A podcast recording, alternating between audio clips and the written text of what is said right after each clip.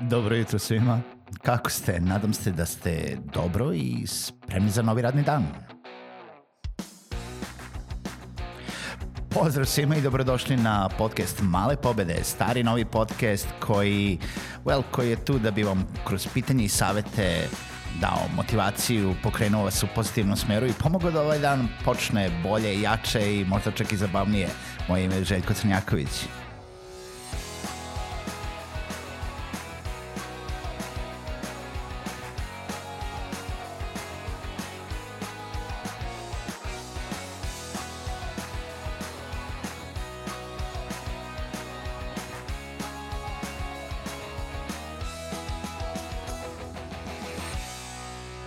Pozdrav svima, dobro jutro i dobrodošli u novu epizodu podcasta Male pobede. Pa kako ste? Što kaže neko uh, s kim sam nedavno pričao, ti se zezaš onaj najavi, jel da? Kad kažeš kako ste, nadam se da ste dobro, pa daš i odgovor i pitanje, pa naravno kada pričam sam sa sobom u mikrofon i nadam se samo da me slušate, tako da nadam se da ste dobro i ovo jutro i da pratite uh, podcast Male pobede, nebitno da li ste ga počeli pratiti juče, da li vam je ovo prva epizoda ili ga pratite od samog starta, uh, drago mi je da ste sa mnom i da ga slušate nebitno koje doba ga slušate. Nemojte zaboraviti da se subscribe-ujete na bilo kojoj podcast platformi koju uh, jel, koristite na vašem mobilne, mobilnom telefonu, da li je to Spotify, da li je to iTunes, da li je to Google Podcast, da li je to Stitcher, da li je to Player FM, nebitno, samo potražite male pobede i verovatno se tamo nalazimo. A ukoliko želite da mi postavite neko pitanje, komentar ili da predložite neku temu, pišite mi na društvenim mrežama ili putem maila na malepobede.gmail.com. Današnja tema je nekako nastavak jučerašnje teme. Juče smo pričali o dugoj ili kratkoj formi sadržaja i zapravo želim da se uh, vratim nazad na dugačku formu. Pričali smo o tome kako duga forma sadržaja i dan danas ima neke svoje primene, uh, veoma može biti atraktivna i veoma može biti efektivna kada gađamo pravu publiku i kada je stvarno dajemo neke e, informacije koje su od značaja i koje ne bi mogli naći na nekom drugom mestu zapravo. I sada da vas pitam, da li u toj dugoj formi sadržaja treba da pišete blog postove ili e-bookove ako kreirate neki pisani sadržaj. I dalje, mnogo ljudi bazira se na pisanom sadržaju, jel da? Znači, opet dva koraka dalje, e, dva koraka nazad. Pričali smo da sadržaj može biti i audio i video forma, vi trenutno slušate audio formu, ali i mnogo, mnogo češće čitamo na internetu i mnogo češće i dalje zastupniji jeste pisani sadržaj. Da li su to blog postovi, da li su to članci, da li su to e-bookovi, da li su to uh, sami sajtovi, da li su to landing page-ovi, nebitno pisani sadržaj jeste i dalje onaj koji je najviše zastupljen. Sad da li ga više konzumiramo ili manje konzumiramo od onoga uh, nekog audio ili video sadržaja, zapravo možda ne primećujemo toliko da konzumiramo više pisani sadržaj, a zato što mi volimo da gledamo ili da slušamo stvari, ali zapravo mnogo puta nesvesno jel, da pročitamo nešto ili kada treba da stvarno potražimo neke informacije, e, češće pronalazimo u pisanoj formi. Sa jedne strane, ona je mnogo više pretraživa nego audio i video sadržaj.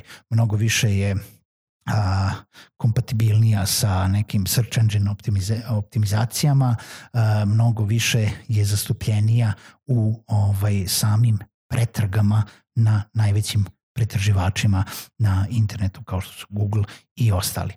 A, u svakom slučaju, kada biramo, u toj, kada smo već ostali u pisanoj formi i biramo da li da pišemo blogove ili e-bookove šta je tu nama začiniti? Koja je bolja forma? Šta je uopšte razlika između bloga i e-booka? Za početak, e, blog je članak na internetu koji vi objavite na internetu, on se nalazi na, nek, na nekoj internet stranici na internetu, on je dostupan uh, za čitanje putem web brauzera, web čitača i on je pretraživ uh, putem uh, Google-a, SEO-a i tako dalje. Znači, on je zapravo jedna internet stranica i tekst na njoj. To je blog. Za razliku od bloga ili članka ili e, izveštaja na toj stranici, e-book se obično nalazi u nekom PDF formatu koji se može skinuti na vaš uređaj, nebitno da li je mobilni ili uređaj ili računar, laptop, desktop, nije bitno, i taj PDF se onda otvori i imate kao neku mini knjigu koja ima svoje stranice, koja, za koju ne morate biti online da bi je e, prelistavali, e, koju možete da čitate e, bilo gde, koju možete jednostavno, ona može biti prepakovana i upakovana baš kao jedna knjiga. I sad šta je prednost jednog, šta je prednost drugog i šta češće treba možda da pravite? Pa sad zavisi šta vam je cilj.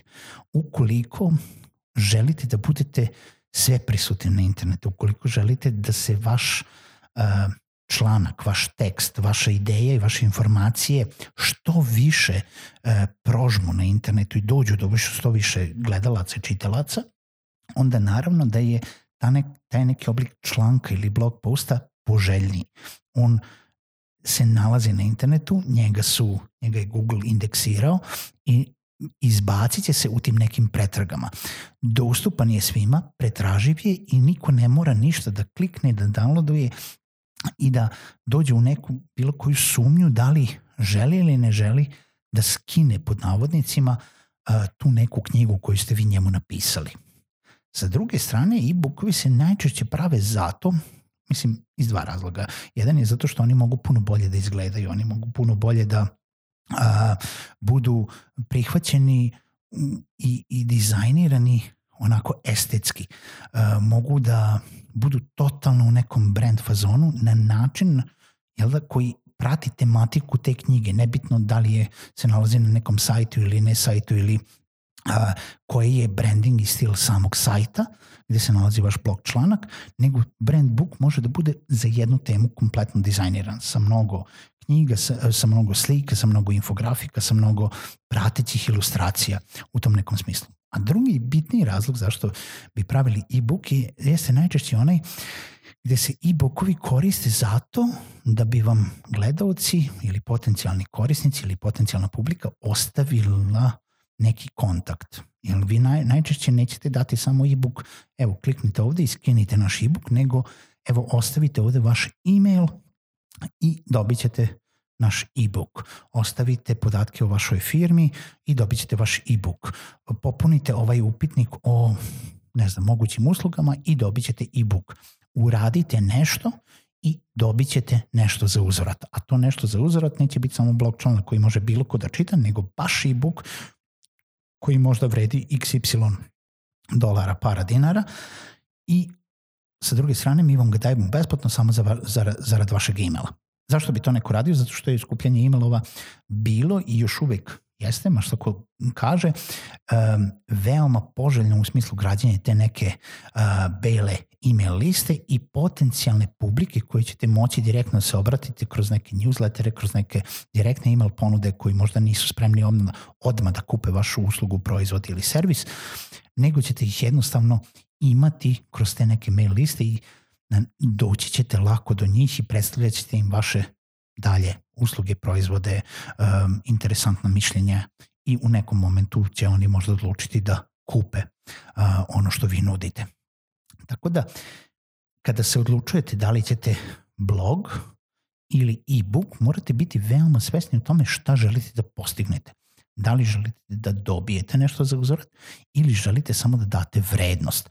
I sa druge strane, koliko to što vi u stvari napravite jeste uh, poželjno, znači da li sam ja ili neko drugi voljan da ostavi te neke svoje podatke, da popuni taj upitnik, da izdvoji to neko svoje vreme, zato da bi dobio taj e-book i zato da bi ga pročitao.